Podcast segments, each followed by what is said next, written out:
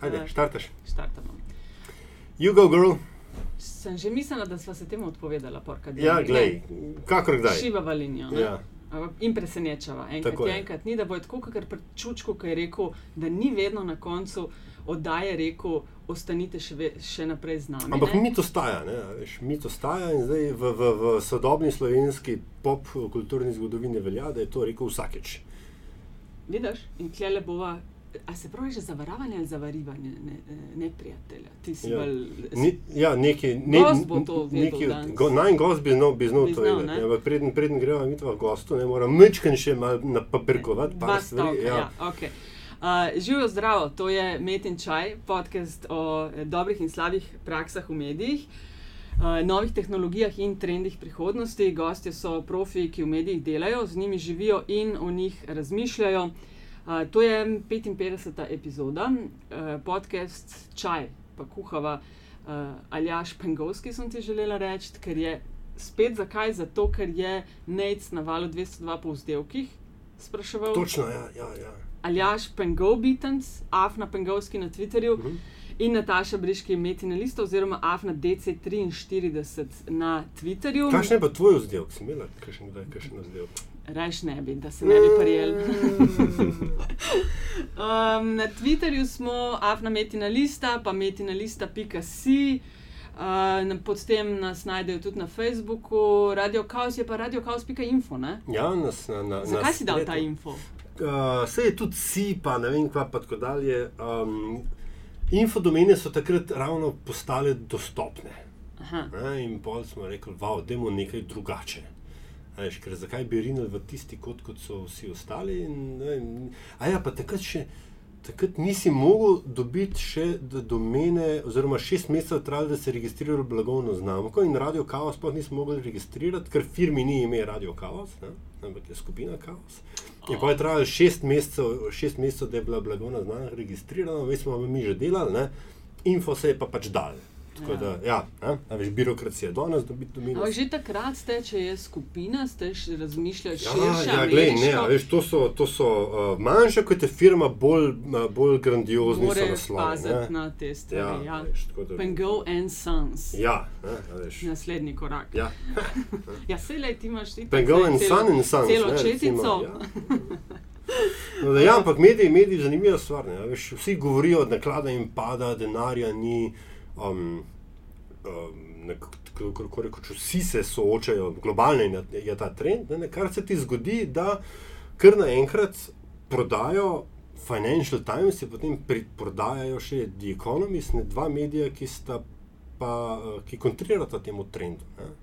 Vprašanje, ki se seveda pojavlja, je, ali morda ta trend, uh, oziroma ali očitno se da preživeti, ne, vprašanje, ki se po, pojavlja, je kako. In sploh niso za mali denar, ne? za, Za če gadne pare, ne bi se rekel, da po slovensko. preračunala iz funtov v evre za debelo milijardo. Milijarda dvesto se so Financial Times prodali japonskemu založniku Nikkei. Ja, ne. In zdaj, uh, to so same dobre napovedi, aljaš, in za kaos, in za metino list. ja, ne, veš, kje To se se, je, če se ve- oni dobro prodajo, se nam dviguje cena. Ja, veš, no, evo, ne, long tail, kako že ta long tail. Uh, to je ta teorija, ki je treba izpeljati do. Ne, ampak ja, veš, hecno je, da veš, očitno vendarle obstaja, uh, uh, obstajajo lastniki, ne, ki vejo, kaj medij je in vejo, koliko se z njim ukvarjati, in predvsem, koliko se z njim ne ukvarjati.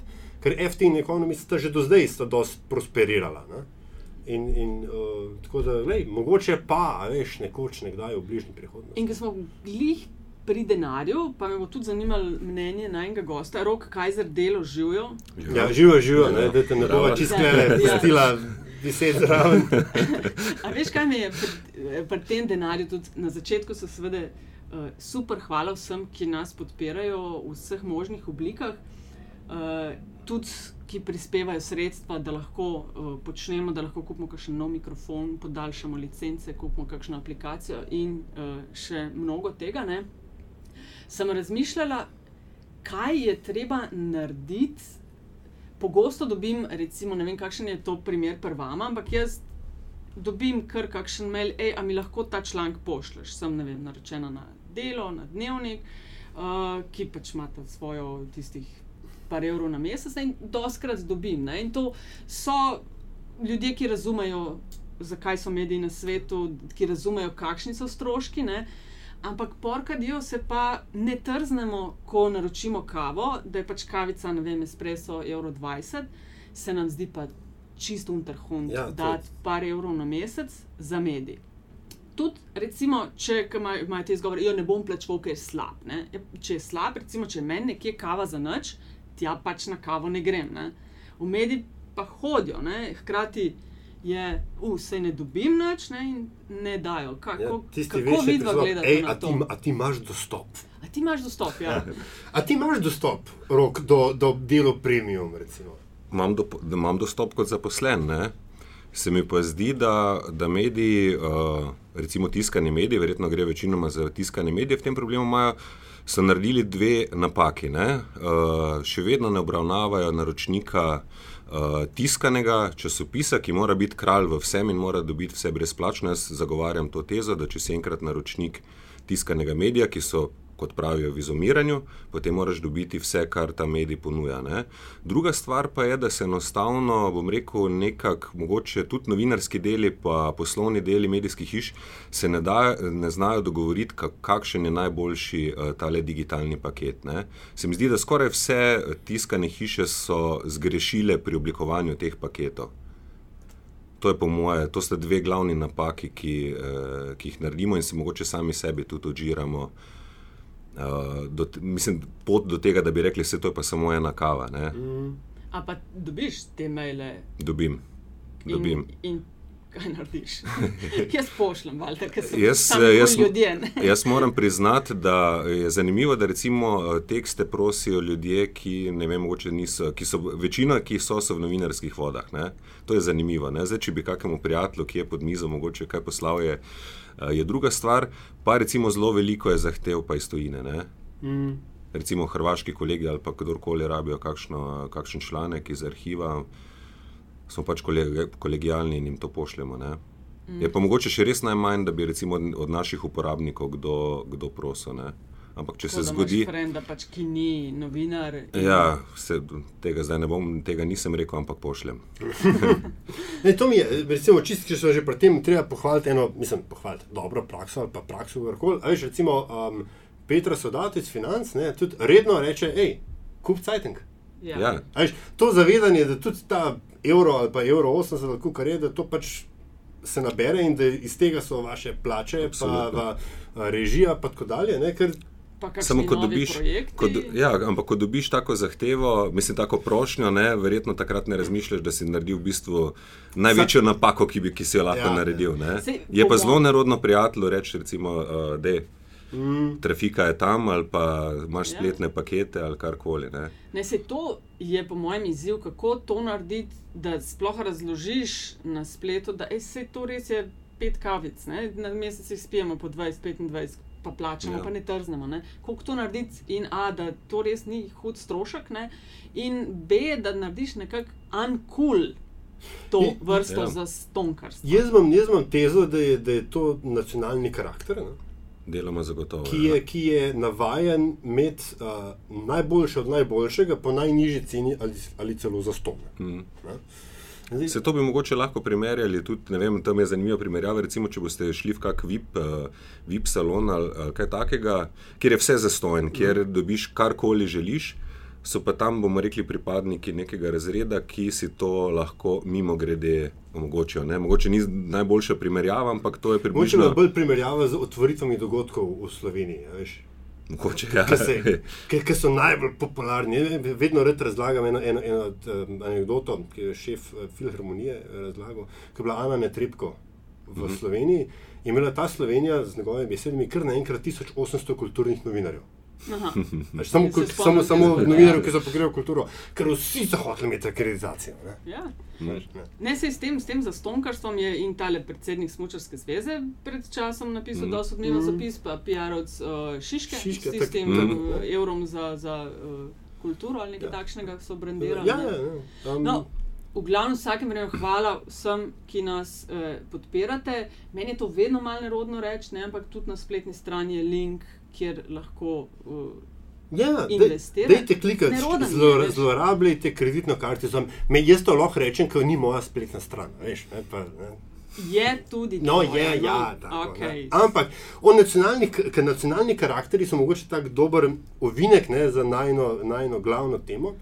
Um, Rok Kajzer je pred dnevi napisal en zelo, si napisal, uh, Ja. en zelo oster uvodnik temu dneva v, v delu o um, razlogih, pa bom rekel, vseh pritiklinah um, hrvaškega, potem zdaj že odstopa od arbitraže in tako dalje, kjer si mislim, da si, da bila, uh, da si uporabil tudi besed, besedno zvezo balkanska manira oziroma kaj Mhm. tazga. Uh, pa dajmo zgrabiti glavo, eh, kašo pri glavi, kaj te je vodilo, da si nenavadno, tudi za, za, za delo kot časnik, nenavadno oster tekst. Jaz pa sem preberem točno ta stavek, meni se tudi zdela močna kolumna in prvi stavek tvoj je bil. Eksplozija arbitražne bombe je uspavano slovensko politiko naposled spomnila, da na drugi strani nima evropskega soseda, ampak še vedno neverodostojni in z balkanskimi manirami prežet hrvaški politični razred. Ja. No, to, to izjavo sem v bistvu črta, eh, črpal iz, eh, nisem je črtal, sem jo črpal iz izkušenj, ko sem še bil dopisnik dela v Zagrebu. Eh, Namreč ta, to v bistvu dogajanje okoli arbitraže me je spomnilo na en dogodek, ki je povezan z približno enako temo in, in sicer je šlo za razglasitev hrvaške ribolovne ekološke cone. Ne? Takratni državni sekretar na hrvaškem zunanjem ministrstvu je v Bruslju javno obljubil, da ta cona ne bo veljala za članice Evropske unije. Ne?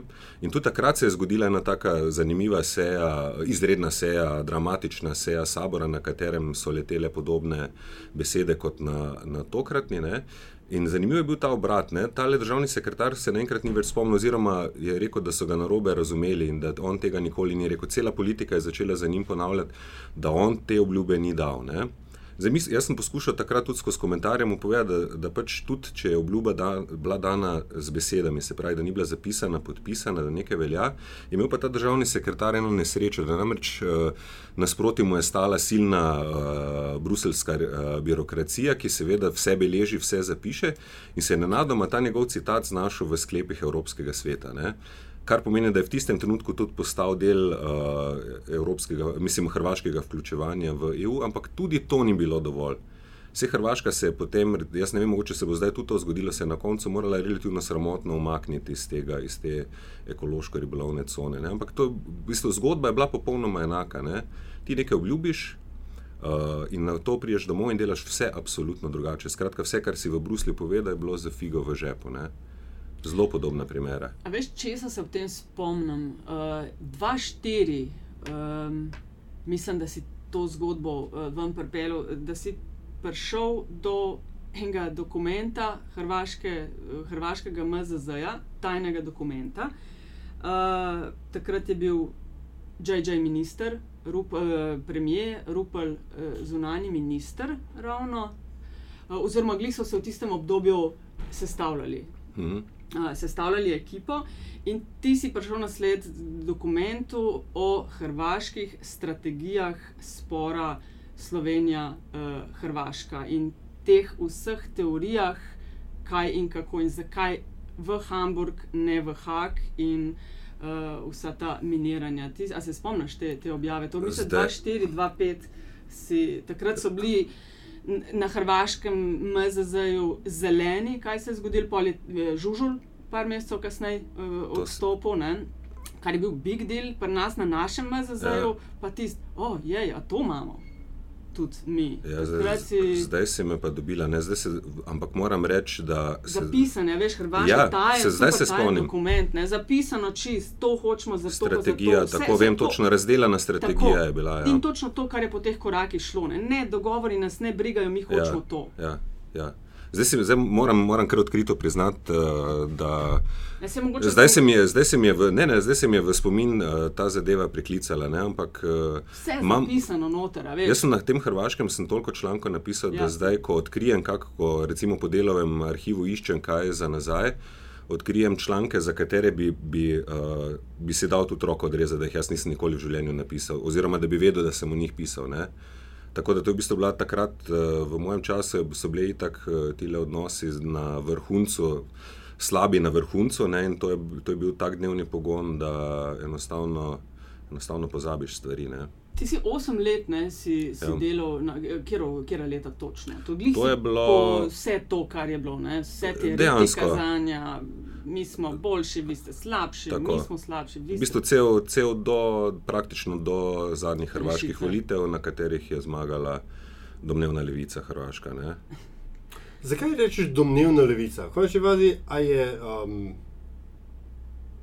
se, se mi zdi, da le, le, bom rekel, tega, te barve, vonja in okusa levica se je podobna tudi pri nas. Pa Saj, tudi ze- kje, kje podobno, zelo, zelo podobno. Ne se pravim, z- Hrvaško je, zanimi, eh, Hrvaška je zanimiva v toliko, ker smo si v nekaterih stvarih zelo izjemno podobni. Sploh, če zdaj govorimo o političnem razredu, ne, smo si zelo podobni, ampak po drugi strani pa eh, zelo različni. Ne. Nadej malo govor o tem. V Lahko povem- si podobni, pa v čem različni? Recimo, uh, če smo že prej načeli to neverodostojnost in, in te stvari. Slovenija je sicer z različnimi odkloni, tudi je mogoče ravnala včasih, ampak vseeno je bila ta komunikacija, uh, komunikacija Slovenije napram Hrvaški, je bila vseeno bistveno, mislim, je bila uh, včasih modrejša, včasih dostojna, ampak vseeno se mi zdi, če zdaj pogledamo prerez vseh teh let, je bila na eni dostojni, bom rekel, evropski ravni, ker nekatere stvari so se pa tudi naši politiki uh, naučili. Ne? Tu je bila tako zelo, uh, zelo velika razlika. Ne? Uh, naučili um, sami po sebi, ali, ali uh, jih je v to prisililo, recimo, um, ravno ta prej si omenil, bruselska birokracija, ki si vse zapomni.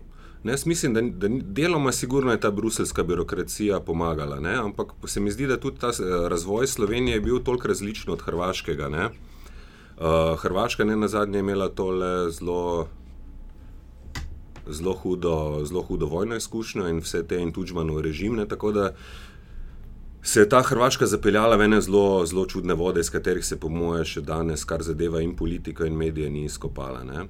Recimo smo pa tudi imeli mi ene velike zdrse ne, in, to je, in to je problem, uh, ko smo na Hotizo takrat poslali oborožene policiste. Ne. Jaz sem takrat zapisal, da nobena resna, civilizirana, evropska demokratična država na mejo ne pošilja ljudi z orožjem. Ne glede na to, kaj se zgodi, mora biti vedno pripravljena to reševati za zeleno mizo, ker s tem tudi pokažeš en civilizacijski, eno civilizacijsko noto. Ne. Dobro, Hotiza je bila, uh, je bila dejansko, po mojem mnenju, dejansko najgloblja točka, ko, pač, ko je, ko je uh, neka uh, retorika napinjena mišic presegla, oziroma pač, ko je meso, meso postala. Ne? Ampak od takrat naprej, to je bilo 2-7 je bilo to. Ne? Tu nekje, Ne? 27, Od, tak, dva, od takrat so stvari zelo, zelo uh, uh, pač se umirile, tudi zahvaljujoč arbitražnemu sporozumu in tako dalje.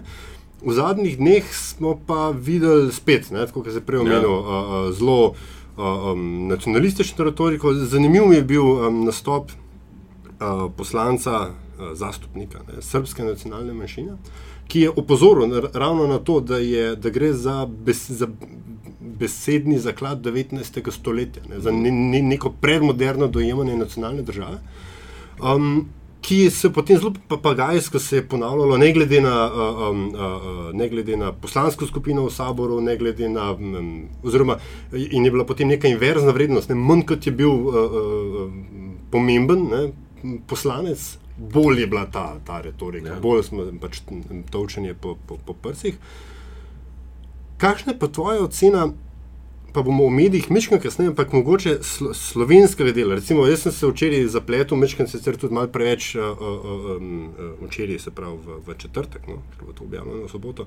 Um, se mi zdi, da recimo tudi um, zadnji odziv. Um, Slovenskega predsednika ne, je po nepotrebnem omenjal uh, de, uh, eskalacije, pa uh, uporabljal, ko so besede mir, mir nam je potreben, tako dalje. Kot ne, ne, neka, neka uh, podtekst, da bo pa zdaj smo pa spet na robu nekega oboroženega konflikta ali pa ne vem čem. A, a, kakšna je tvoja ocena slovenske reakcije, pa se lahko tudi segmentiraš, sej, Ja, ker ja. ni bila čista enotna. Ja, ja. Ne, vse, kar zadeva, kar zadeva ta predsednikov govor, bi, bi se lahko zelo strinjal s tabo. Ne?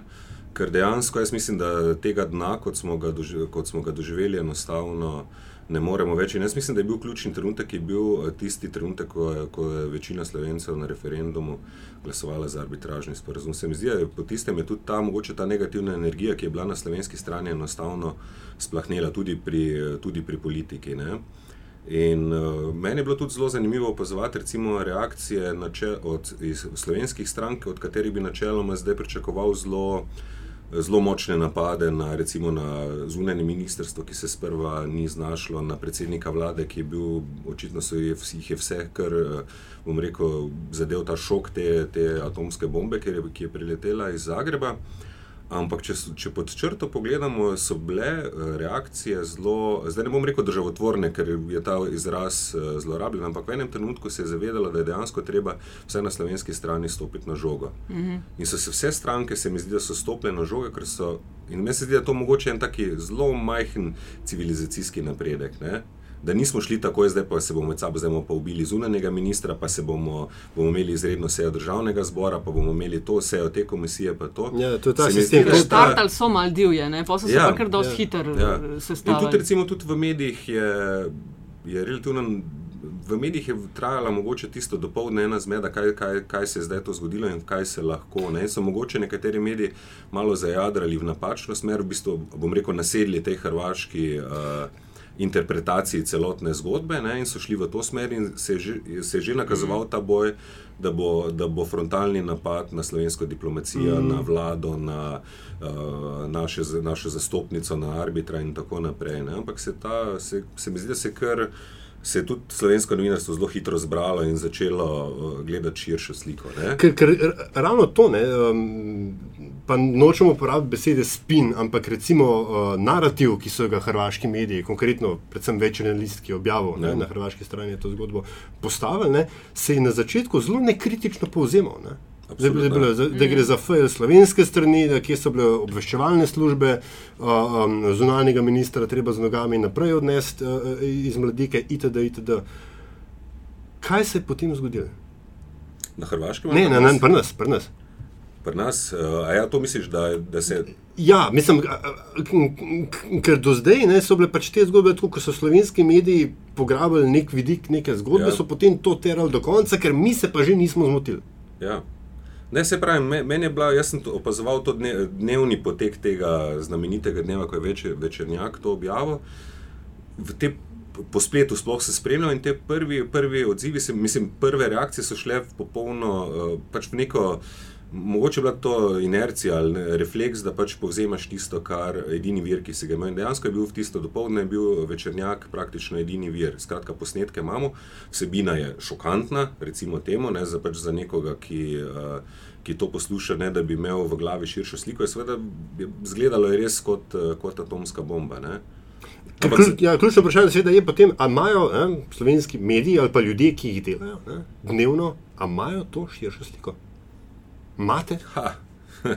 Premalo njih, bi jaz rekla. Ja, ja. Ker se nam zdi, ok, vsi se spoznamo na Ameriko, pa vsi se spoznamo na ja. futbol, ampak Zagreb je eno uro, dve, dve uri iz Ljubljana, pa vsi smo vsak let tam na dopustu, pa ja. vse vemo o Hrvaškem. Pa greš pa tja, pa živiš, ja. pa vidiš, da v bistvu ne vemo tako zelo veliko. Mislim, da ja in ne. ne. Se zato pravim, eh, recimo, eh, zelo nora odločitev slovenskih medijev, eh, sploh recimo nacionalne televizije, pa da se zmanjšuje število dopisništva.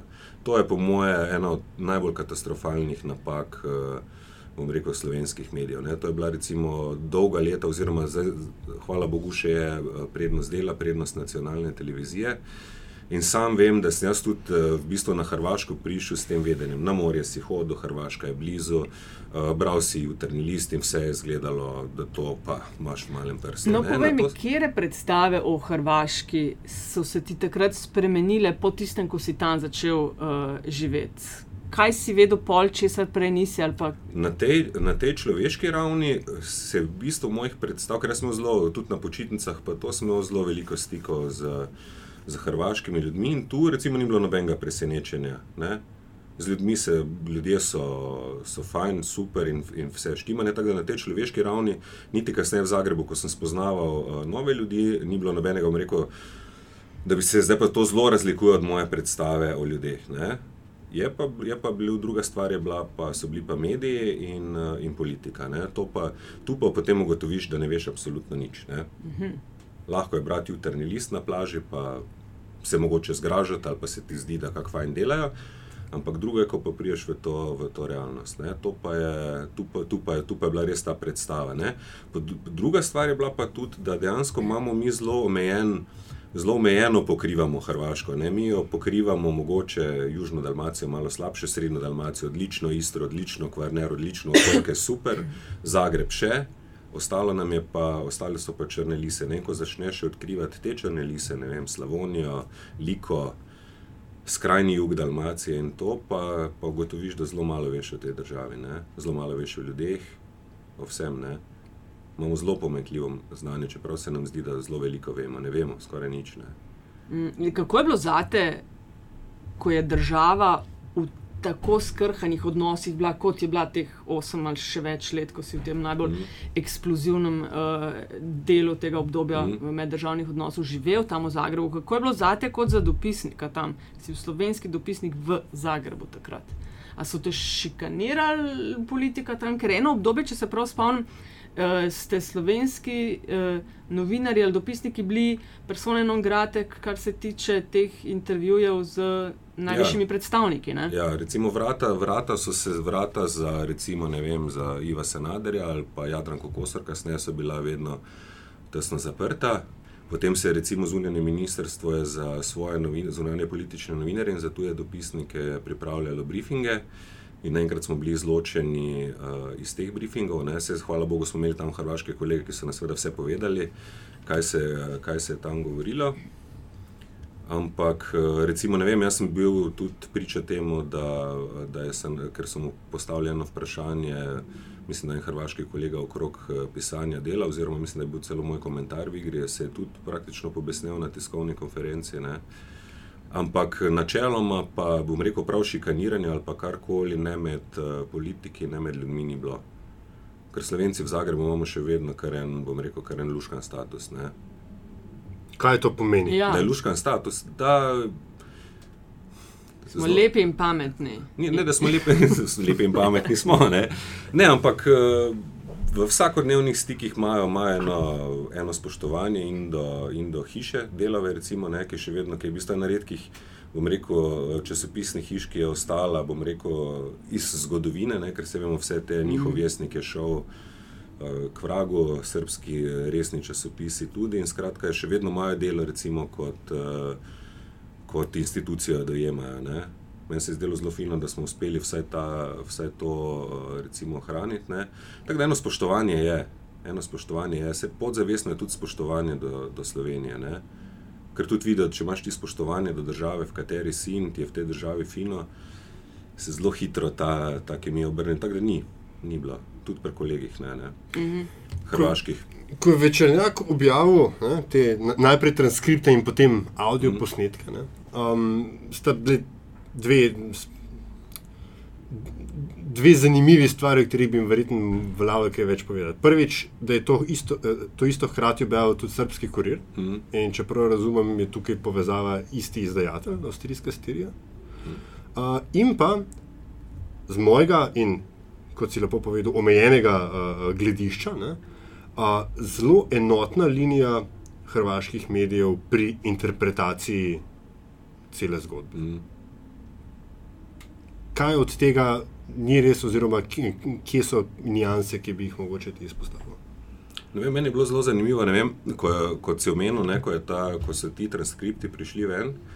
Uh, kmalo zatem sem dobil eno prošnjo iz jutrnjega lista, če bi lahko tale škandal uh, komentiral. Jaz sem seveda teh stvari ne zavrnem. In uh, sem pripravil en krajši prispevek o tem, ampak sem imel že to širšo sliko v glavi in sem pač obrnil stvar na to, da se mi zdi bistveno večji škandal od tega, kar sta, kar sta naš arbiter in zastopnica čekala, to, da se je prisluškovalo mednarodnemu sodišču, ki je zdaj lokacijsko točno je bilo to narejeno, niti ni pomembno, ampak bil je prisluškovan član sodišča in agentka pred sodiščem. Ne? In sem to tudi jasno podaril, da je to bistveno večji škandal. Jaz sem takrat že malo sumil, po kakšni liniji bi to lahko prišlo ven.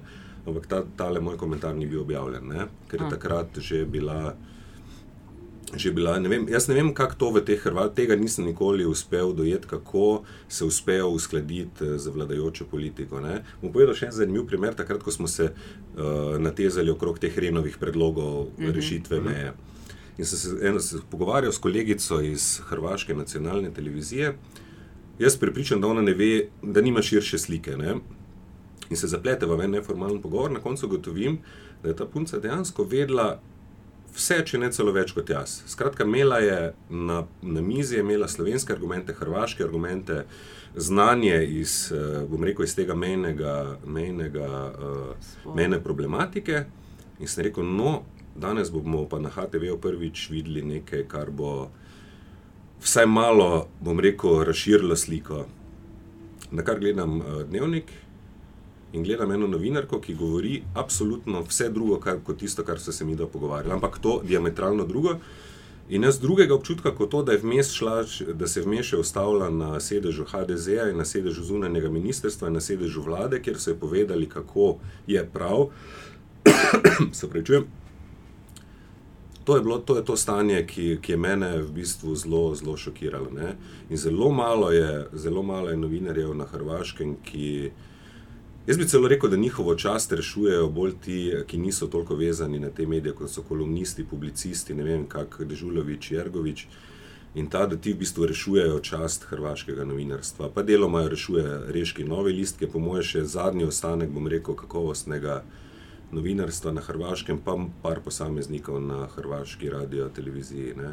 Mm. To, kar je pa večer, večerni pa jutrni list, je pa šlo v neke Ker mi je dobro, HTV ima podoben status kot ga ima TV Slovenija ja. uh, pri nas, ne? ampak um, recimo ne, um, včeraj Evropska komisija spoštuje odločitev Hrvaške. Ne? Bombastičen naslov ne, o ja. stališču Evropske komisije, da pač spoštuje odločitev. Manjkajo tri pikice in nadaljevanje. Tako, ne? ne? Ja, to je to selektivno.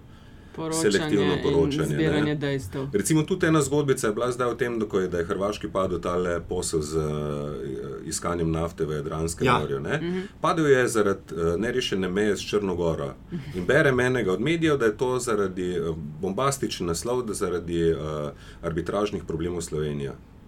Ne, to so te, te drobne, male manipulacije, ki mogoče tudi niso, bom rekel, zlagane, ampak je vprašanje, na kak način ti uh, prezentiraš. Ne, znaš, ne. To, so neke, to so neke metode, ki so očitno, ne vem. Jaz mogoče tega vlečem del tudi iz te vojne zgodovine, ne, kjer je bilo pač treba neke informacije tudi v imenu obrambe države ali pa česa tudi prikrajati in se ta refleks ne ali se je ohranil, da je treba spoštovati to, kar pove oblast. Tega se enostavno ne razumem, ne, ampak Ker slovenski mediji so tisti, ki jim notranja politika ne, pogosto očita linijo takšno ali drugačno, odvisno od tega, Absolutno. kdo je na oblasti. Ne. On je Absolutno. v tej kolumni, ki si jo glih ti na začetku omenil, pravzaprav ti rok govoriš točno to, kar je Janez Janša vse čas. Moramo se usmeriti v Srednjo Evropo, v Višegrajske uh, skupino, ne pa na Balkan. ja, Ja, sta bila na vezi? Sta bila v navezi. Seveda. Ne, se to je, to je zelo, zelo zanimivo, to je, to je pa, ampak to je širši, ni samo pri tej arbitraži. Ne. Zdaj pa, če določena uh, politična linija ne opazi tega, ko kritiziraš njihove nasprotnike, ne, to je klasika pri nas. Mm. Takoj, ko boš napisal, recimo v desetih člankih, boš kritiziral uh, njihove politične nasprotnike, to ok, v redu, nič. Bo pa prišel en članek, ki bo kritičen do njih, si pa avtomatsko komunist. Uh, ne vem, skratka, odvisno Ja. ja. pač iz katere No, strani. ker smo prileti, ne. vzdelkih. Kakšne vzdelke imaš kot novinar? Kot novinar. Ja. Kaj si? Je zdaj odvisno, ne vem, od, odvisno pa si koga- domobranc. Po- Ja, odvisno, odvisno, ne? odvisno Koga od katerega, ampak po mojem sem večkrat sem ostanek nekega komunizma. Ne. Aha. Žal, ne vem zakaj, ampak. Ne. Lej, Aljaš, ti si že prej tudi omenil, kako so tudi naši mediji takoj, vsaj na začetku, kupili to narativo, ki jo je večernjak eh, ponudil, brez da bi stopili korak stran, pogledali širšo sliko. Hrvaška ima zgodovino serijskih odstopanj od pogodb, ki jih podpisuje Slovenijo. Mm. To ni en primer v zadnjih 50 ja. letih, ampak je v ne vem, desetih letih pet. Ne? Ja. pet takih težko kategornih. ne. Uh, Pa A ni, so sam, ni samo Slovenija. Ne? No, vse to sem te hotel Ja. ja. vprašati. Ali imamo mi ta poseben status, da z nami imajo išil, ali mi z njimi, ali so tudi z drugimi državami enak eh, track record. A veš, ko v mednarodnem Ja. ja. pravu je ta pakta sunt servanda, pač Ja. ja. dogovor se fucking spoštuje. Zdaj, zelo, zelo zanimivo je bilo, če bi mi zdaj sedeli recimo v Podgorici in da smo, smo Črnogorci, bi verjetno ugotavljali popolnoma enako. Če Aha. bi sedeli v Sarajevu, po mojem, bi ugotavljali enako, s tem, da tam pač ti spori niso toliko.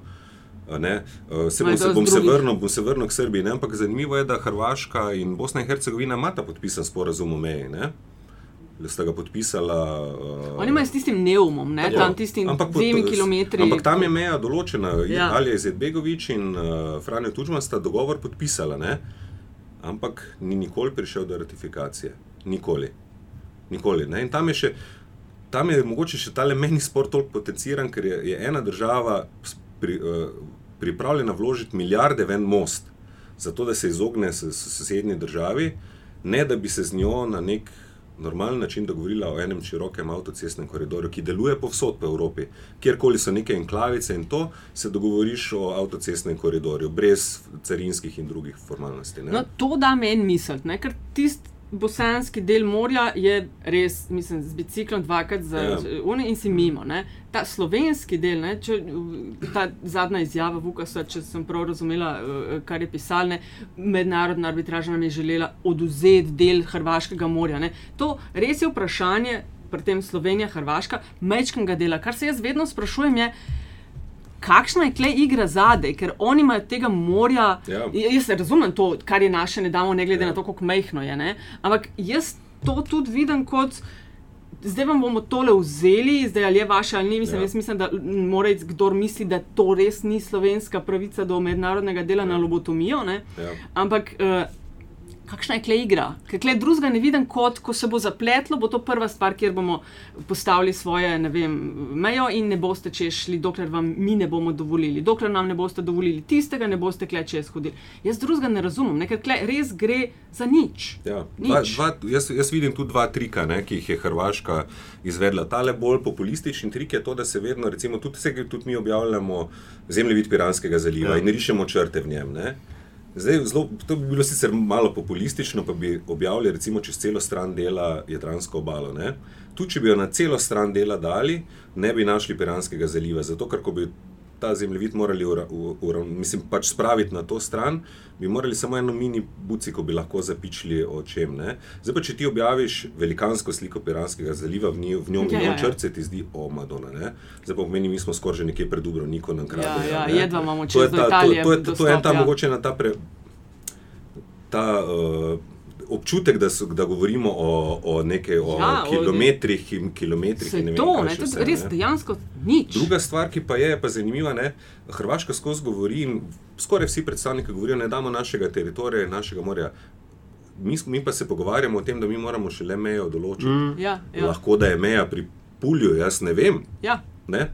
Kaj bomo zdaj rekli? Potem, če bo meja pri Pulju, lahko rečemo, da zdaj pa res nekaj mogoče na tem, da mi nekaj krademo ali kar. Ampak zato smo na arbitraži, da povemo, kje je meja. In če bo meja tu, pa bomo mi rekli, a to pa ni, mi hočemo še Savudrijo, pa Krk, pa ne vem karkoli. Takrat pa lahko nastane to, to močno besedišče. Ne? Mm. To, je, to, je, to so v Ne, bistvu to zelo so te velike retorične manipula- igre, manipulacije, in od teh slik, ki jih omenjaš, Ja. do tega, veš, eh, smo prijavili še, da je Portoroško letališče naše, mm. ker ga ne bomo, o, smo izgubili. Ja, niste izgubili Ja. tega. Ne? Ja. Meni je veš, meni tukaj zanimivo, upostavljam se vprašanje zdaj, ali oni vedo, oziroma tako, ali, ali, oni verjamejo to, kar govorijo, ne? ali pač načrtno maksimizirajo zahteve. Enostavno, ker je, bom rekel, to neka odločitev njihove zunanje politične strategije versus, versus sosedje. Veš, v- vprašanje tukaj seveda je, ali se gremo real politiko, ne? Ja. ali pa ali se gremo uh, dejansko veš, ne- neko politiko, kot sem že rekel, predmoderno, neke ostanke Ja.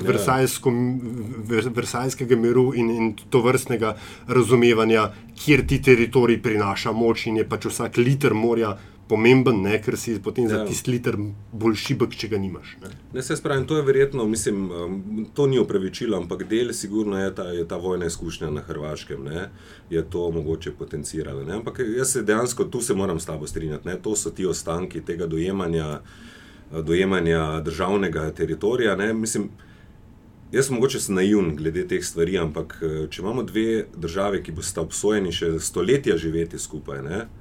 Ki ste skupaj v Evropski uniji, ki, in potem, da se tam človek, jaz mislim, ne vem, da najdem na drugi strani meje sebi enakega. Jaz mislim, da bi se mi dva v Piranu na eni popoldanski kavici zelo hitro dogovorila, kaj in kako bomo delali v Piranu. Kaj vidva ne gresta na volitve, a veš? Ja, to. Ja. No, se tu pravi, tu smo mi recimo izgubili na Hrvaškem, ravno zaradi volitev smo izgubili te zmer, zmerno hrvaško politiko. Ne? Zdaj gledamo ljudi, od katerih bi zelo težko pričakovali te. Uh, bom si celo drzno rekel, Miloševičevsko retoriko v saboru, od ljudi, eh, ki so načeloma veljajo za evropsko usmerjene, umirjene ljudi. Ne? Ampak kako je treba, pa, zdaj pa smo v volilnem času in postanejo ti ljudje naenkrat nacionalisti, patrioti, domoljubi in ne vem, kaj še vse. Mm. To je zelo zanimiva preobrazba. Zelo, Ampak zelo, zgubili smo te ljudi, smo izgubili, ne zaradi volitev. Zelo enotna je bila ta, ta preobrazba. Ne? Jaz sem kar naenkrat začel ceniti eh, slovensko skreganost v parlamentu, ker pač kontriraš že za zato, ker si opozicija. Ja, se pravi, da je padlo, je padla še ta zgodba v kontekst uh, volitev. Ne? Če od HDZ-ja in od uh, rekel, teh desnih strank še lahko pričakujemo to, se, se, se, se enostavno.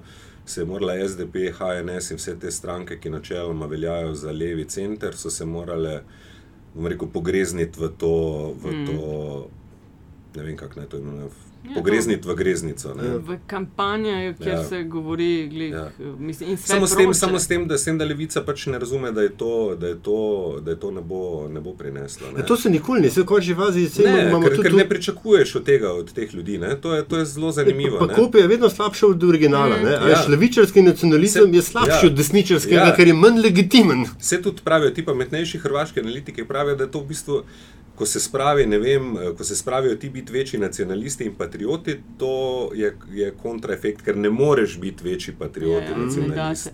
se pravi, ne? ti če hočeš tako za relativno v redu sliko dobiti dogajanja in hočeš brati neke hrvaške vere, priporočaš novi list, pa kakšne te kolumniste. Je kolumniste, ja, pa tudi recimo, ne vem, mene zelo, recimo tale te portal, ki je in, tale infoportal dejansko Telekoma. Ne, da pove, kakšen je web naslov. Mislim, da je te portal.hr. To je tako kot naš Siole na mhm. vrste. Ne. Ima je par izvrstnih uh, mhm. piscev. Čakaj, ampak to je portal Hrvaškega telekoma, Tako. ki je v lasti Deutsche Telekoma. Ja, ampak ne, zanimivo ampak je. Ampak hkrati, ne, hkrati je teorija zarote. Ne? Ne, ne, Lastnik večernega lista je pa avstrijski izdajatelj. Vem, Ali se morda na tem prostoru yes. odpira nova fronta? Ne, ne. bom rekel, dogaja v, v bistvu nemško-avstrijski spor recimo, Zdaj, lahko gremo, lahko zelo, zelo potonemo v, v, te, v te teorije zarote. Ne? Samo jaz, ne vem, jaz spremljam večerni list že, že zelo, zelo dolgo. Ne? In to jaz sem ga mogoče po enem letu, ko sem prišel na Hrvaško, sem ga enostavno nehal brati, ker to je. To je neprebavljiv nacionalističen, uh, skrajno desničarski pamflet, časopis in enostavno to je pač enostavno se odrečeš temu, da, da, si pokvariš, uh, da si pokvariš dan in to popolnoma brez veze. Ne? Zato me to, da je bilo to v večernem listu objavljeno, niti najmanj presenetilo, niti za trohico. Ne? Ampak večernjak je, samo čisto, da damo kontekst, ker res bomo rekel te hrvaški mediji mečken mešan, ker se mogoče po imenih še mečken, ker so vsi nek list. Mm, ne? mm. Večinjak je nastal kdaj? To je nek nasledek enega ja, starega. Ja, starega, starega. Ja, ja. Ja. Ta se še vleče iz zgodovine. Ne? Vedno je veljal, mislim, veljal je za, kako bi rekel, vesnik kot, bom rekel, kot včasih delo, to pa mogoče ne vem. Mogoče imam... Mečken bolj pogrošen. Niti, Skratka, ni veljal za zelo, uh, zelo resen uh, časopis, ja. ampak mogoče malce lahkotnejši, z, ma, z malce mm -hmm. lahkotnejšimi vsebinami, ne? ampak se je preobrazil. In se pravi, to, to je tudi deloma posledica tega, uh, ne, ne bom rekel tokrat vojne, ampak posledica tega tužbenovega režima, mm. ki je enostavno naredil čistko v medijih in mediji so bili takrat do njegove smrti praktično absolutno enotni. Ne? In ta en refleks in tudi to očiščenje medijev ima svoje posledice. Ne? Najboljši, najbolj prodorni, najbolj glasni so seveda takrat ostajali brez služb. Ne? Ali pa z nepravimi krvnimi zrnci. Ne? Ja, veš, točno, o tem tudi v bistvu Dežulovič govoril, mm. o, o tej krizi hrvaškega novinarstva. Se ne da bi poskušala slovensko novinarstvo. Ja. Da smo pa brez napak, ne? Absolutno, ne. ampak eh, je, sem se spomnila, no, ker je res govoril o tem, točno o tem, kar tudi Mm. ti zdaj govoriš. En pravi, mislim, primerjati z pogojno rečeno slabšimi, ne, pa tistimi, ki imajo večje težave z izpolnjevanjem standardov, je vedno mečken uh, self-serving, s tako lepo slovensko besedo, ker potem tebi ni treba narediti nič. Ne. Ampak um, moram to reči. No, po, po prvi, po prvi um, um, um, paniki, ne, tudi, tudi v medijih, ne, se je pa tudi slovenska medijska fronta dost poenotila. Mhm. In, in, in če, če tako zelo grdo rečemo, ne, neko, neko, bom rekel, linijo uh, branjenja nacionalnega interesa, ne, se pa zdaj se pa tudi, tudi pri nas dogaja. Pa niti ne to, tvoj komentar, ki, ki je pisan na podlagi izkušnja, vse od, od MMC-ja do ne vem, Siola, do, vse ima to, a veš, um, uh, imenovanje Ronja Abrahama je bilo genialno. Vrhunska poteza slovenske diplomacije. Ne. Vsi so se strinjali z. z. Ja, ne, z, z Erjavcem, oziroma pač ta Erjavčeva uh, um, izjava, da gre za veliko zmago slovenske diplomacije. Ampak, je, ja. ampak tega, tega nihče ni problematiziral. Ne? A Veš, Jaz mislim, da ne vem, jaz imam občutek, da bo, eh, bom rekel, plačevanje računov za, za to, kar se je zgodilo. Ne? In za vse te okoliščine bo, po moje, prišlo, ko se, bo tale, ko se bodo strasti umirile. Ne? To mislim, da sem tudi v komentarju napisal. Prišel bo čas, ko bo pač treba tudi te. Uh, jaz mislim, da mogoče je res, mogoče deloma imaš prav, da, da so se mogoče mediji uh, tudi zavestno odpovedali tem zelo velikem bombardiranju uh, uh, zunanje politike, predvsem, ne, da ne vem, ne vem, ali je to bil ta refleks, da, uh, da je treba pač odložiti te stvari zaradi, ampak ne, jaz ne, ne bi rekel, da zaradi, da zaradi zavedanja o nekih nacionalnih interesih, ampak enostavno, ker je preletela ta le umazana bomba v Slovenijo in dejansko so tudi mediji sicer pozno, ampak so hitro ugotovili, da da, da, da je to, da um- da je keč v umazani bombi, da ni v prisluhih, mislim, v, tem, v vsebini prisluha ni toliko, ne, ker eh, tudi relativno hitro, na, prvi, na prvo žogo recimo je res gledalo, aha, kaj pa sta se ta dva pogovarjala, to se res krši, eh, bom rekel, zaupnost postopka, ne, ampak po drugi strani pa samo naivnež lahko priču, pričakuje, da pa je Vukas uh, Se je imel pisarno ja. tam, ne? On je, imel, on je celo živel na veleposlaništvu. ne. Zdaj, ja. ne moramo si mi predstavljati, da je on bil zaprt tukaj v studiu, ja. in, ni, in, ni dobival časopisov, ni imel telefona, Ja. ni imel interneta, ampak so ga v blindiranem vozilu, eh, ki je bil eh, zvočno nedotakljiv, pripeljali na sodišče, ga odložili, je povedal svoje in se je ta postopek ponavljal. pa z ne. veleposlanikom ste se samo o vremenu in otrocih Ja. Absolutno, ne. absolutno. Ne? Jaz mislim, da jaz res nočem problematizirati tega. Mislim, neumno je, da sta se pogovarjala nezaščiteno. Ne? Mm. To, je, to je neumnost. Ne? Ampak po drugi strani pa moramo biti pa tudi toliko realni. Ne? So, vsak se je pogovarjal. Moramo mm -hmm. biti, zdaj sicer pravniki bodo rekli, da ja, potem bo pravo umrlo in ne vem, kaj še vse, če tega ne spoštujemo. Ne? Ampak moramo, moramo pa biti tudi zelo pošteni in realni in reči, vsi se pogovarjajo. Ja, mislim, Pričakovati, da se naš ar arbiter ne bo pogovarjal s predstavniki zunanjega ministrstva, smo lahko zelo neumni. Ne? Sej že- Če rečemo, da to ne pričakujemo. Že to, da ste obe državi imenovali svoje arbitre Ja. noter in ne popolnoma prepustili odločitve Ja. tretjemu, ne, pač dokazuje, mislim, nakazuje Se na to, da sta hoteli imeti smo- nek tako, tako. ne. tako. In seveda, po drugi strani res je, kar pravijo, da pač vsi prisluškujejo vsem, ker zato imamo tajne službe. Ne. Ja. Ampak, kdaj to vrstni tajni prisluhi pridejo v medije? Predvsem me zanima, kako to. A veš, mislim, a imaš ti kakšno izkušnjo, ker mislim, m- m- ne vem, a, a si ja, kdaj pokrival kakšno Tajni dokument objavil. Ja, Ma, Ker se ne, Ne, spomni, evo, namenoma ja. se ne spomni. Ja. Ja. To je to. Evo, tak odziv je pol. V Ne, desetih ne, letih se ne spomni. Je, je, je ena zanimiva stvar. Ne? Recimo uh, v Wikileaksu, ravno zaradi Hrvaške, ne vem zaradi česa je bil poklican veleposlanik, ampak to je, to je prav zapisnik tega di- diplomatske uh, depeše, kjer je bil. Uh, uh, Veleposlanik Republike Slovenije poklican na Hrvaško zunanje ministrstvo. Ne, vem, ne, ne spomnim se točno, zakaj je bilo.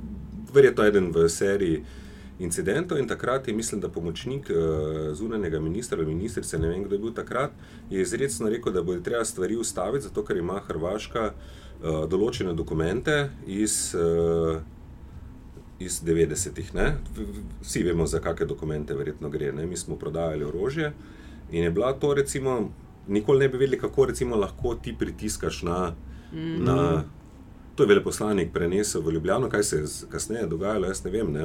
To je pač bilo relativno pozno razkritje preko Wikileaks, ampak. Ampak ne. v redu, tudi da se države grozijo. Ne, ja, z, ampak, z ampak to je ena, to je, ena, to je grožnja, ki je zelo, zelo tiha. Ne? Jaz si ne znam predstavljati, kako bi drugače lahko v javnost spravili, kot tako, da je to na ključno padlo, pod narekovaji, padlo uh, večernjako v nabiralnik. Ne? Ker jaz močno dvomim, da bi uh, prišla nota v Slovenijo, pa bo rekli: Poglejte, imamo ujete vaše prisluhe, pa to, to, to. Dajmo se, prosim, zdaj hitro odločiti, pa bomo oboji stopili iz arbitraže, ker sodimo, da bomo lahko skupaj sami našli najboljšo rešitev. Ne? Težko si predstavljam, ne? ker bi nastal verjetno en škandal še večjih razsežnosti, ne? kjer bi Hrvaška omenjala, da ima posnetke v neki noti. Ne? Misliš, da niso tega pos, pos, poskušali? Mislim, da ne. Da zelo neumno bi bilo. Ne? Ker poleg vsega je to črno na belem, verjetno v kakem bilateralnem, ampak za vsako bilateralno srečanje se, se naredi zabeležka ne? in ostane na papirju. Mm. Lažje, je- lažje je to spraviti mm. v nabiralnik. Ne? Ker, veš, po drugi strani pa v Sloveniji že, nihče ni zanikal, ne? da ne bi tudi mi imeli prisluhe. Oziroma, tak je bil prevod eh, tiste Grimsove hvale slovenskih obveščevalcev. Ne? To odbor, Ja, ne se pravim, zdaj verjetno bi bilo zelo normalno, če bi, recimo, ne vem, zdaj, če si tak, pa smo zelo plastični, pa si predstavljamo, da Hrvaška obveščevalna služba prisluškuje in to potem distribuira zainteresiranemu naslovu, uh, recimo uh, Hrvaškemu zunanjemu ministrstvu. In jaz ne vem, kot uradnik, ki bi bil mogoče zadolžen za arbitražo, bi rekel, "U, dobro, da, je, da to imam. To so obveščevalni podatki, ki mi bodo lahko koristili pri pri odločanju, pri ono. Ne? Zdaj pa, ko v trenutku, ko se pa ti odločiš, da boš to vzel ven in nekam odpeljal, je pa Stvar izgubi operativno vrednost, kot se tako. reče. ne. tako. Ampak očitno je Hrvaška se odločila pač v enem trenutku, da bo šla v to v vojno in se je zdelo, da je najprimernejši trenutek. Ne? Jaz mislim, da verjetno, če zdaj držijo te informacije, da, je šla razsodba, da bi šla razsodba v korist Slovenije, so verjetno pač se odločili, da je to mogoče nespretno narejeno, ampak težko drugače to spraviš. Nuk, ven, ne. nuklearna opcija, Rok- dobesedno. ne. Rok, eh, Hrva, s Hrvaško se podrobneje ukvarjaš zdaj, kaj 10-15 let. Enih deset let, ja, malo takšnega. let, Koliko ja. poletij, ki si jih preživel na morju, je minilo, brez da bi te iz redakcije klicali, Hm. hej, neki rabimo. Zelo malo krat. Se je zgodilo tudi to, da so me klicali na počitnice, zaradi tega, ker je v Splitski luki se trajekt zaletel v, v pomol in ena slovenka. Mislim, se ne vem, če je bila slovenka, ne spomnim se, je padla in se poškodovala. Ne. A je Hrvaška tema, ki se je v redakciji, hej, jaz bi to pokrival, ali je to, ejo, rajš ne bi kaj drugega, Eh, ker je to Hrvaška- skos neki. Ne, Hrvaška je zelo, jaz mislim, da je zelo- med novinarji zelo priljubljena uh, tema, ampak potem, ko se stvari zakomplicirajo, ne, ko je treba začeti kopati in uh, osmisliti neko, uh, osmisliti uh, ozadja in poskušati dognati, kaj se dogaja, ker je včasih zelo težko prebrati. Ne. Moraš prav. Ne vem, jaz sem tudi malo zvajal, ampak jaz sem recimo že, ko je, se je hrvaški zunanji minister dal izjavo, sem vedel, kaj hoče povedati. Ne. Čeprav je bila ta izjava zelo, na prvi pogled, zelo taka, pač ena politična Ja. izjava. Ne. Uh, Kleme, nekaj zanima vajno mnenje. O, o, velikrat je, po moji oceni, veliko preveč, ko so razne debate o takšnih zadevah, se po defaultu je tri četrt ljudi noter v studiu politikov, od katerih, kot si sam namignil zdaj klele. Praviloma vezanim očima veš, kaj bo katera Mhm. stranka povedala. Jaz mislim, da bi večkrat mogli nastopati in vabiti v studije kolege, ki so, tako kot vem, ti, ki si 8 let v državi živel, veš o tem išju, o tem problemu povedati mnogo več od, po moji oceni, no, mislim, po mojem razmišljanju in poznavanju delovanja politikov, Ja. kot tisti, ki so v tak in drugačen odbor, pol pa pride ne vem, v Zagreb, ali pa imaš primere iz drugih prestolnic, kjer jih pa novinari Ja. seznanjajo z ljudmi, eh, razen tistih, ki jih po defaultu mora srečati, Ja. pač ta sekretar, ta Ja. eh, svetovalec. Ne Ne? vem, jaz bi. Ne jaz vem, bi- kaj vidva misli. Jaz, veš, Frankl nam je v, v Ja, ja, čaju to- enkrat omenil, ko nastopijo eh, Počitnice, vikendi, ja. počitnice, pa kličejo novinarje Mhm. za uh, goste v studiu ali pa za komentarje. ne. Drugač pa po defaultu tri četrtih je iz politike. Ne Vem, jaz bi recimo v tem slovensko-hrvaškem primeru, jaz bi celo, jaz bom, jaz bom še bolj smelo idejo. Ne? Jaz bi povabil ljudi, ki živijo ob meji. Ne? Jaz sem bil uh, v Zagrebu, sem bil na predstavitvi enega zelo simpatičnega filma, ki, ki je ki sta ga naredila dva zanesenjaka in sta potovala po celi slovensko-hrvaški meji in sta spraševala ljudi od tega, ki so poročeni, preko ki imajo vinograde. Preko skratka, ima tako lušno zgodbo. In tam je bila ena tako zelo taka sočna, uh, sočna scena, sočna pod narekovaj. Ne? Ravno takrat se, spom se spomnim, da je tisto padanje pri Jorasu. Ja, ja, ja, vse je tisto. No, in v tem filmu. Pa je bil en drug most na enem drugem delu slovensko-hrvaške meje, ki ga prebivalci z obeh strani en dan zaprejo zaprejo meni prehod, policisti se umaknejo, oni zložijo mize na, na to, imajo ansamble in se družijo, pijejo, plešejo in to. In si imel, naenkrat dobiš dve sliki enega padajočega politika, enega prerivanja, enega neke izbezumljenosti, na drugi strani pa. In jaz sem, rekel, jaz sem takrat eh, vprašal avtorja, če sta ta film, ne, ker takrat so bili tudi nesporazumi na vrhuncu. Sem rekel, ste vi ta film dali uh, v predvajanju Hrvaški uh, nacionalni televiziji, pa naši televiziji. Ne? In so rekli, ja, Hrvaška televizija je rekla, da ga ne bo. Mislim, da niti niso pojasnili, zakaj ga ne bodo. Ne? A ja, mislim, da je bil razlog, da je preveč idealističen. Uh, potem pa so ga ponudili še RTV Slovenija, z RTV Slovenije pa je prišel odgovor, da uh, za za, da, za, da, za, za to, da to predvajajo, mora biti objavljen javni razpis. Ne? In je ta film v bistvu ostal enemu zelo omejenemu, omejeni publiki. Ne? Jaz sem takrat napisal, da bi ta film morali videti politiki z obeh strani meje in, in take ljudje v bistvu iz teh, iz teh prizorov, kako, kako, kako, kako živijo prijatelji, ja. bi moral ja. stati v studiu. Ja, dobre primere, ki, ki, Recimo, ker se skozi poskuša ta nek razdor delati, ki ja. ga ni Recimo, premalo se posluša slovence na Hrvaškem, neki živijo tam, ki so, ki so manjšina. Ne? Vsako poslabšanje odnosov se pri njih ne samo v tem, da pač imajo mogoče kakšne težave v okolju, kaj, ampak se zmanjšuje tudi po popisu. Ne? Mhm. Tudi po popisu se zmanjšuje. Vse normalno, ljudje se poročajo, njihovi potomci teh, bom rekel, avtohtonih slovencev se poročajo s Hrvati in so v šolskem sistemu in to, to sigurno prispeva k temu. Ampak prav opažajo tudi to. Ne? Hujši je spor, manj slovencev se opredeli za slovence, recimo, ali pa se jim pozna to v nekem, v nekem življenju. Ne? Ne vem, kak, kakorkoli je prišlo do nekih incidentov med uh, državami, so imeli recimo ne, na slovenskem domu, ki je rekel, najpomembnejša slovenska organizacija v Zagrebu, so imeli grozilne klice. Da, tudi to je, recimo, ne? teh ljudi se ne posluša. Ena, fajn uvod v zanimivost, to bi že lahko bilo no. zanimivo, da si želel še nekaj. Ja, ja, sem, Zagreb je blizu in hkrati tako daleč. Kako usamljeno je življenje slovenskega dopisnika v deželi in mestu, ki ga, kot je si prej rekla, za katerega se ne zdi, da ga vsi poznamo? Osamljeno je tako, to je zelo dvorezno, dvorezno, vpraša, dvorezno vprašanje. Ne? Zdaj, eh, se, kot sem že prej omenil, ne, sem padel v, v tale največji kaos slovensko-hrvaških odnosov in v bistvu je bilo razmišljati o morebitni osamljenosti. Ne, del časa sem bil z družino, ne, ampak osamljenost je zelo tako relativno, ne, ker enostavno uh, po jutranji kavi in po dopodnevu, ker Hrvaška ima malo drugačen tempo, tam se recimo uh, po eni uri šele začne vse dogajati, kar pomeni, da lahko malo dlje spiš, popiješ kavo, greš časih v glede na to, da dopisniki uporabljamo stanovanja tudi kot svoje dopisniško mesto, gremo včasih v pižami v službo. Ne? Ampak potem, ko pa pade ta tempo po 12 uri, je pa, je pa norišnica. No, rekel, te osamljenosti zelo težko govoriš, ne? ker gre tudi, tudi se, dopisniki slovenski se med sabo, smo se slišali, pogovorili.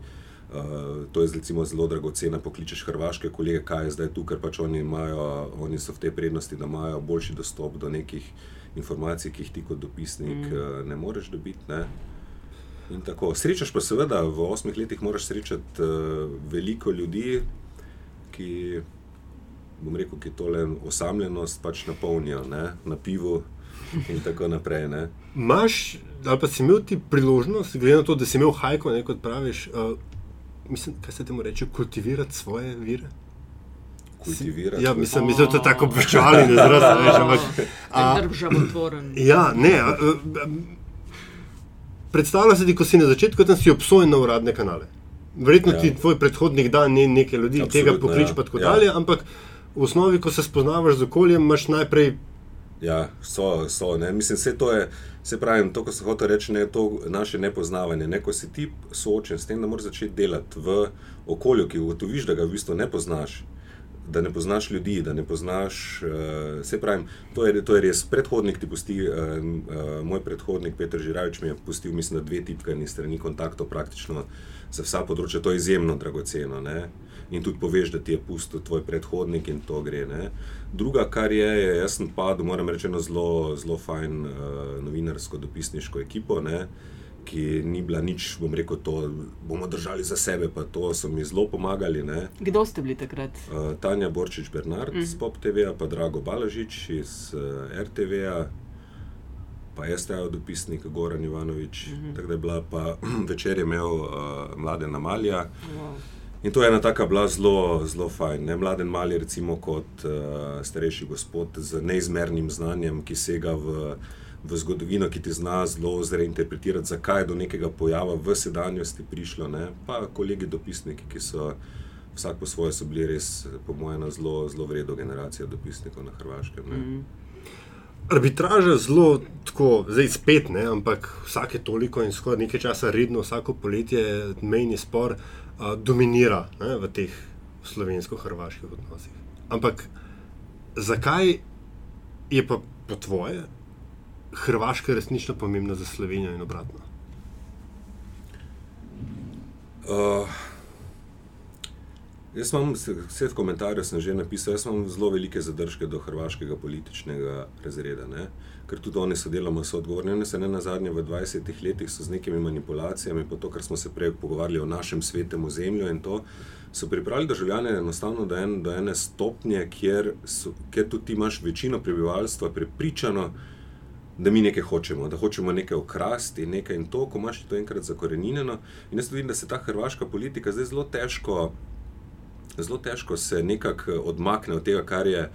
Kar je obljubljala. Ne? Se pravi, izgubili smo še te, to, kar smo pregovorili, izgubili smo še ta zmerni del politike, ki bi mogoče lahko to razložil. Ne? In, ne vem, jaz, jaz vidim glavno to, da je to je v bistvu že ena vrsta nemoč da se odmaknemo od tistega, kar smo zakomplicirali, zmanipulirali in to. In zdaj smo prišli do neke stopnje, kjer se zelo težko nazaj omaknemo. Zdaj pa, gledajte, mi smo vam 20 let govorili eno, ni čisto tako. Malo smo vam lagali, malo smo vam manipulirali, resnica je nekje bolj nazaj. Ne? Jaz mislim, da je to ta težek korak, ki ga je narediti.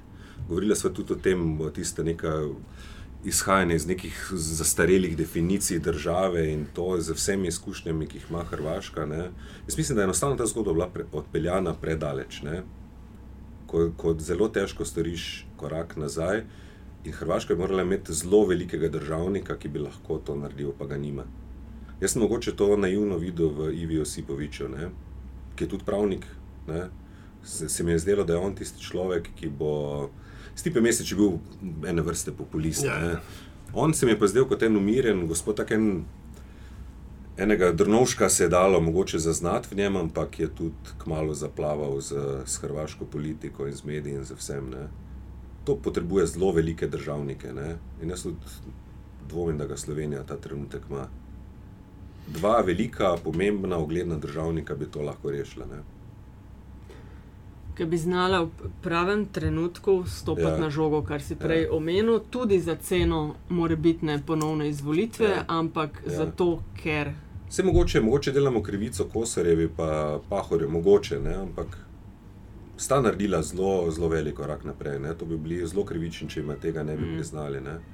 Ampak govorimo o tem, da je pač bil to neki izhod v sili. To moramo vedeti, takrat je bila slovenska blokada. Eh, mednarodna skupnost, oziroma predvsem Evropska skupnost, je pritiskala na nas, na Hrvaško in to. In je nastal, mislim, jaz bi rad, da bi tak sporazum ali pa tako dogovarjanje nastalo v enem zelo mirnem, konstruktivnem in nezastrupljenem ozračju. Ne. Zanimivost. To si jih na tresu, zdaj je super, da bi to zmanjšala. Ja, ne se ok, se lahko visko ta potegneš, pa ja. rečeš enega od uh, teh, ki si jih že. Ampak, uh, ne vem, dajmo še eno, no mogoče. Še eno, no daj. eno, tako, ne, zelo, uh, ko bom prišel do konca te zgodbe, bo, vam bo jasno, zakaj so gledali uh, hrvaški in slovenski novinari s takimi očmi, bom povedal, kaj se je zgodilo. Uh, enega lepega dne zvečer v Zagrebu, vem, da smo na cvetnem trgu pili kavo, recimo, da je bila kava, ker je bilo že zelo zvečer. In je prišlo naenkrat obvestilo, da se bosta, mislim, da na, zdaj, na otočcu srečala uh, Ivo Josipovič in uh, Danilo Tirk. In smo začeli to stvar preverjati, ne, ker naši predsedniki republike zelo radi uh, vozijo svojo sporedno zunanjo politiko. Recimo, da zelo veliko akterjev, ki bi o tem morali biti obveščeni, niso bili in so bili zelo prese, pres, presenečeni in jezni, da nič ne vejo o tem, kar naj bi se naslednje jutro zgodilo. Sem zakuhal en, en zelo kratek člančič, ki je povzročil zelo veliko jezo v enem uradu ki sem ga pa stopnjeval še potem naslednji dan, ker smo dejansko se mi seveda prišli na ta otočec pogledati, kaj se tam dogaja. Ne, sta oba predsednika, mislim, da smo potem zračunali oba minuta 23 sekund, sta povedala en kup floskul. Neobveljivih, in jaz sem se vrnil nazaj v Zagreb in nisem vedel, zdaj, kaj naj s tem naredim. Vsem je govorilo, ne objavi niti besede, ker si ne zaslužijo, ampak je na koncu prevladovala ena taka moja zloba, sem rekel, bom pa zdaj popisal bom povedal, da je vsak dal izjavo minuto 23 in sem tudi popisal vse, kar sta povedala, povedala nista absolutno nič. Ne? In je to delo celo objavljeno na naslovnici. Ne? In to je povzročilo drugi del jeze na, na enem uradu. Ne? In malo za tistim smo pa se zbrali, ker je Slovenija investirala v, mislim, da tuhelske toplice in so polagali temeljni kamen in so se spet pojavili predsedniki držav tam in eden od obeh predsednikov naenkrat je prišel tiskovni predstavnik njegov domen, ampak morate si predstavljati to sceno, to je gradbišče, delovni stroji, eh, da, kolegicam v visokih petah, ki so, prišli na protokolaren dogodek, se je seveda vdiralo, to je ena taka bizarna scena ne? in pride ta tiskovni predstavnik in pravi, da bi rad predsednik spregovoril par besed. Oh. Zdaj si pa vi predstavljate njih 30-40 ja. novinarjev okrog mene, jaz tam kot nek, kaj, seveda jaz se vedno rad s predsedniki pogovarjam. Ne?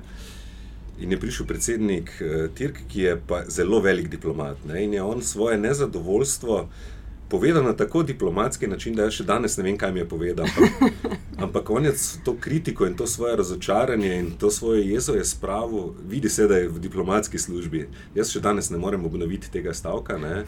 Ampak ti novinari, ki so okrog gledali, zdaj sredi tega gradbišča, brnenja strojev, lo, krampi, lopate in potem en predsednik se pride uh, pogovarjati z enim novinarjem in mu na res diplomatski način izrazi svoje nestrinjanje ne, z, z pisanjem. To je mogoče tako. Mislim, to moraš si predstavljati, kak, kakšna je ta scena tam na tem gradbišču izgledala. In to je bilo, in to je bilo recimo za hrvaške kolege, bilo to recimo presenečenje, ker to, da bi nek predsednik se prišel neko nestrinjanje izraziti, se po mojem ni, eh, se ne zgodi, ne? sploh pa ne sredi gradbišča. Ne? Ja, škoda, da se ne spomniš, ampak lahko mi pa pošleš, če ne bom našla, da priloživa zraven. Ta link na tvojo originalno minuto 23 mm -hmm, objavo, se, da, ja, se bo dalo, se da, ja. da dobimo občutek ja. uh, te. Ja. Povem da, vem, povem, da nič ne povem. Mm. uh, ok, to je to. Uh, Sej še je zanimivih tem. Ali je to bil takrat, ali je bil to nastavek za Kajzerce? Pol? Se je takrat začel tuhtati, da je čas za Kajzerce, tvojo srce? Ne, se je to je že. Ja? V bistvu, že ne, ne, ta zgodba se v bistvu vleče iz. Še v bistvu, ko sem bil na večeru, sem bil najprej v 7D, ki ga danes nažalost ni več, sem imel eno tako prerez ne. tedna malo. Na to se je nadaljevalo v sobotni prilogi, v eni rubriki Mineštra, ki je bila takoj na začetku sobotne priloge, ki se je potem iz meni nerazumljivih razlogov uh, ukinili. Pisal je še Marko, Marko Zorko, že ja, pisal, zato to je bila sjajna. To je bila nesjajen pas, je mm -hmm. bil. Mm -hmm. uh, in potem, se, potem pa me je v bistvu zdajšnja odgovorna urnica Mateja Babič dobila idejo, da bi jaz lahko imel eno tako kolumno v takrat še delo Mago, ki je bil ena manjša prilogica, še ob koncu izvajanja ja. v, v delu in tam se je začela. In se je to potem preneslo v, v zadje. Okay. Tako da to že kar traja leta in leta, praktično. Ne? Ampak mogoče so te kajzerce zdaj nekako najbolj izstople. Dober ime. Ja. Rok kajzer delo, fulti hvala, o, da si bil naj gost. Hvala ti. Okay. Um, hvala tudi vam eh, za pripombe, pohvale, pohvale in pohvale. Smo uh, dosegljivi na Afna Pengovski, Afna DC43, Afna Metina lista, info, Afna Metina lista, pika si. Um, še kaj dodamo? Konec sezone, ja. oh, skoraj. Ja. Ja. Kaj rečemo za konec sezone? Ostanite še naprej. ja. Pejte na Hrvaško. Ja, to, ja. Mejte se radi, paste na se, paste na druge, mi bomo z vami tako ali drugače. Se vrnemo spet v septembra, ne, za pičemo dalje. Jeste. Okay, hvala. Čau. hvala.